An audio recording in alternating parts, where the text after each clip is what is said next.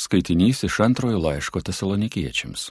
Paulius Silvanas ir Timotiejus tesalonikiečių bažnyčiai mūsų Dieve Tėvė ir viešpatyje Jėzuje Kristuje. Malonė jums ir ramybė nuo Dievo Tėvo ir viešpaties Jėzaus Kristaus. Mes jaučiame pareigą visuomet dėkoti, broliai, už jūs Dievui. Ir tai yra teisinga, nes jūsų tikėjimas klestėte klesti ir jūsų meilė vienas kitam kiekvieno širdyje vis didėja. Todėl mes ir giriamės jumis Dievo bendrijose, jūsų kantrybė bei tikėjimu visuose persekiojimuose ir varguose, kuriuos jums tenka pakelti. Ir tai yra teisingo Dievo teismo požymis. Jūs turite tapti verti Dievo karalystės, dėl kurios kenčiate. Todėl mes nuolat melžiamės už Jūs, kad mūsų Dievas padarytų Jūs vertus savo pašaukimo ir savo galybę tobulintų gerus Jūsų užmojus bei veiklų tikėjimą. Tada mūsų viešpaties Jėzaus vardui bus garbė jumyse, o jums jame, iš mūsų Dievo ir viešpaties Jėzaus Kristaus malonės. Tai Dievo žodis.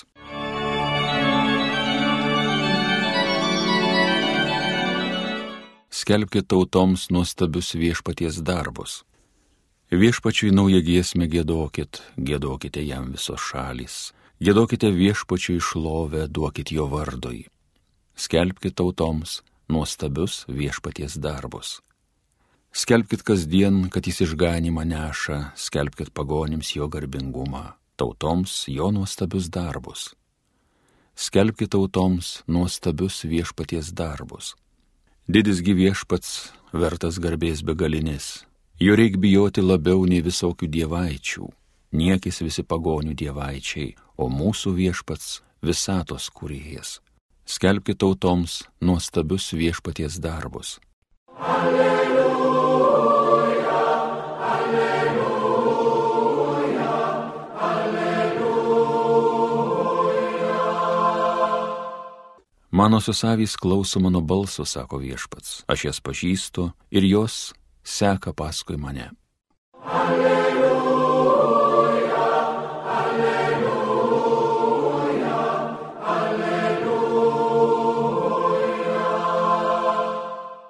Pasiklausykite Šventojios Evangelijos pagal Matą.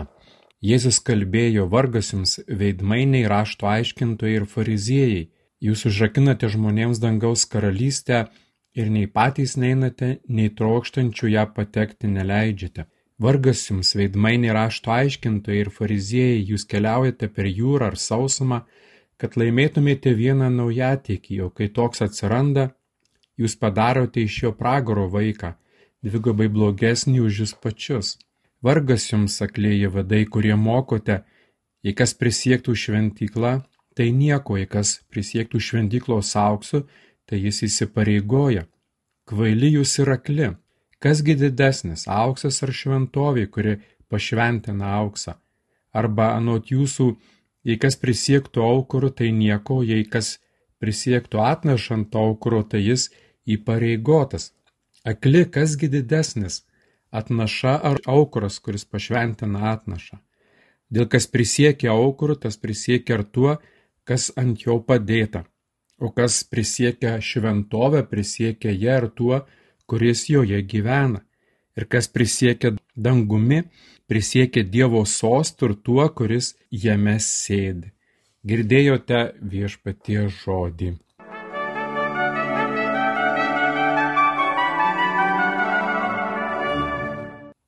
Šiandieną katalikų bažnyčioje yra švenčiama gražus minėjimas švenčiausios mergelės Marijos karalienės.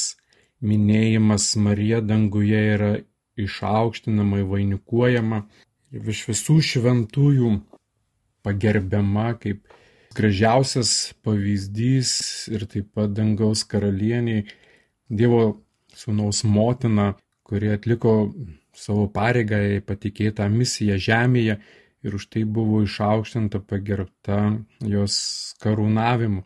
Iš tikrųjų sunku įsivaizduoti ir net e, papasakoti, kaip tai viskas įvyko ir kaip tai viskas dangai atrodė, bet mes tik žinome, kad jinai buvo išaukštinta, pagerbta visų šių šventųjų ir gerbiama aukščiau visų šventųjų, kultas yra pagarbos kultas Marijai yra aukštesnis už visus šventuosius. Tai Marija iš tikrųjų buvo išaukšta, mes sakome, jinai yra dangaus karalienė iš žemiškai žmogiškais terminais kalbant. Ir 1954 metais minint šimto metų sukaktį nuo švenčiausios mergelės Marijos nekaltų prasidėjimo dogmos paskelbimo, Pijus XII visoje katalikų bažnyčioje įvedė švenčiausios mergelės Marijos karalienės šventę, paskirdamas jai gegužės 31 dieną, tačiau 1969 metais, vykdant Vatikano antrojo susirinkimų liturginio kalendoriaus pertvarkymą, šventė perkelta į rūpiučio 22 dieną, tai yra 8 dieną po žolinės, po švenčiausios mergelės Marijos paimimo į dangų su kūnu iškilmis. Marijos litanijoje yra 13 kreipinių, kuriuose išvardymi Marijos kaip karalienės titulai. Švenčiausiai mergeliai Marija, karalienė pagimdė Dievo sūnų, taikos kunigaikštį, kurio karalystėje nebus galo krikščionys, tikintieji, sveikina kaip dangaus karalienė ir gailestingumo motina. Žinome, kad Kristus buvo taikos kunigaikštis, jo tėvas karalius, jisai kunigaikštis, karalystės dangiškos karalystės kunigaikštis, o Marija karalienė. Tie terminai, jie nieko nereiškia žemišką prasme.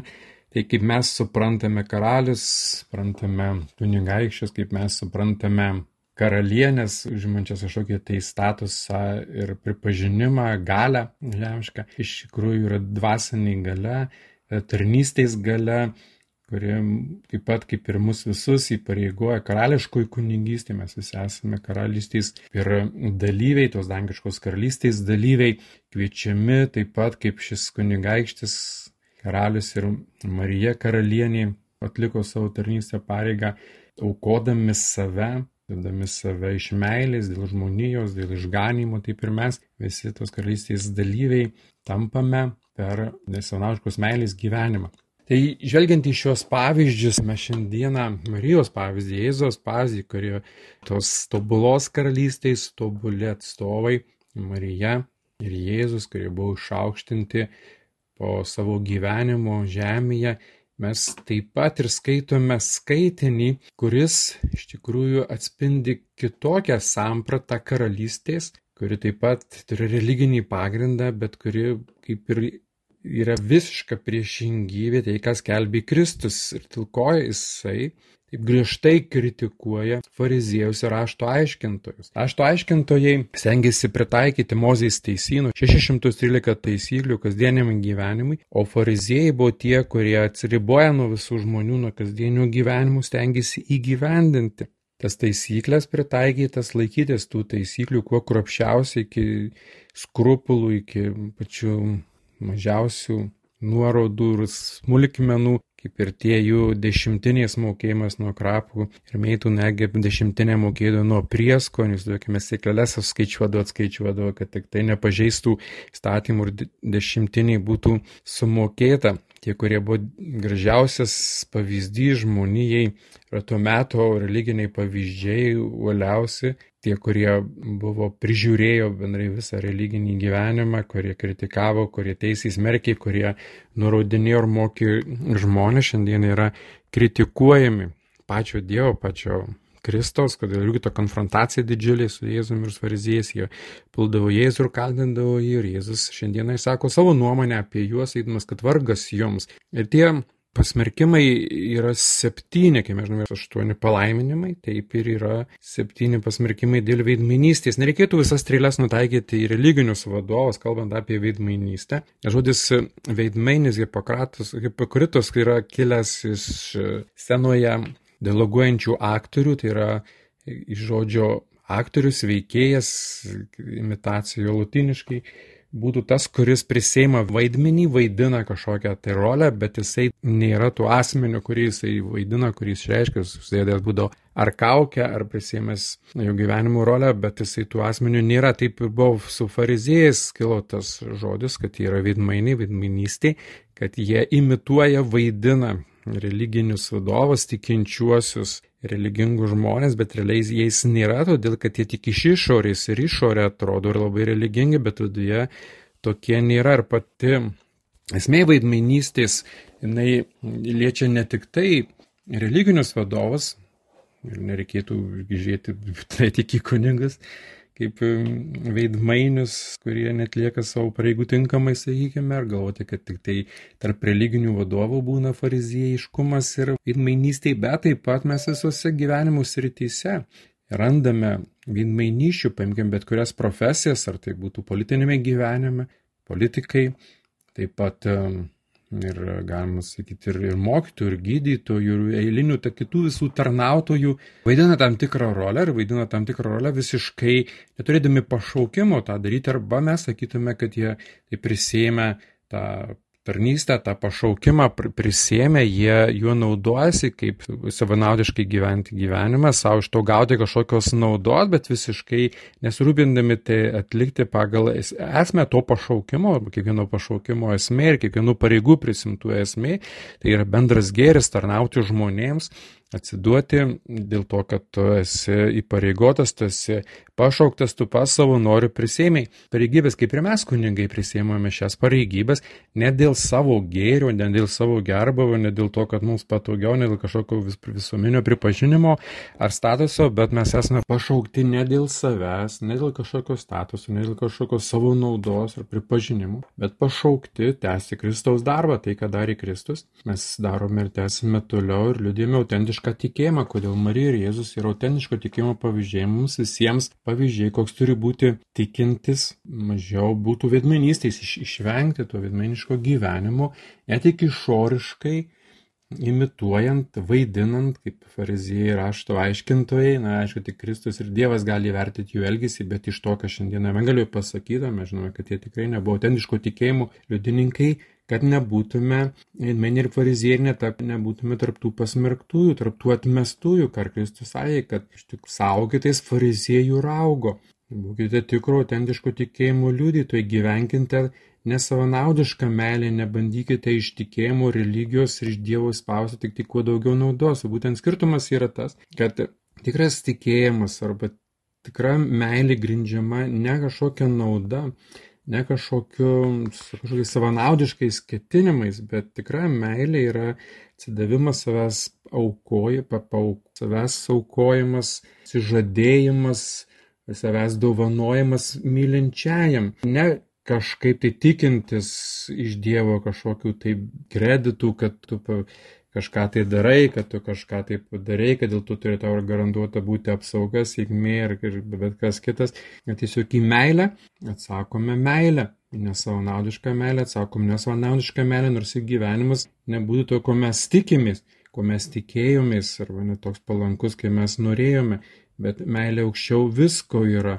Ir jeigu net ir negauname iš Dievo tai, ko mes tikėjomės, mes turime tai, ką ko iš tikrųjų labiausiai ir trokštame gyvenime mes gauname iš Dievo pačią meilę, patį Dievą. Be abejo, mes visko ne, nuodugniai neišsiaiškysime, visko nuodugniai ne, šitam tekste neišnagrinėsime, bet būtų esminis toks pagrindinis dalykas, ką aš bandžiau pasakyti, ką mo norim šiandieniai žinia, šiandienio liturgijos evangelinio teksto žinia mūsų visiems perduoti. Amen.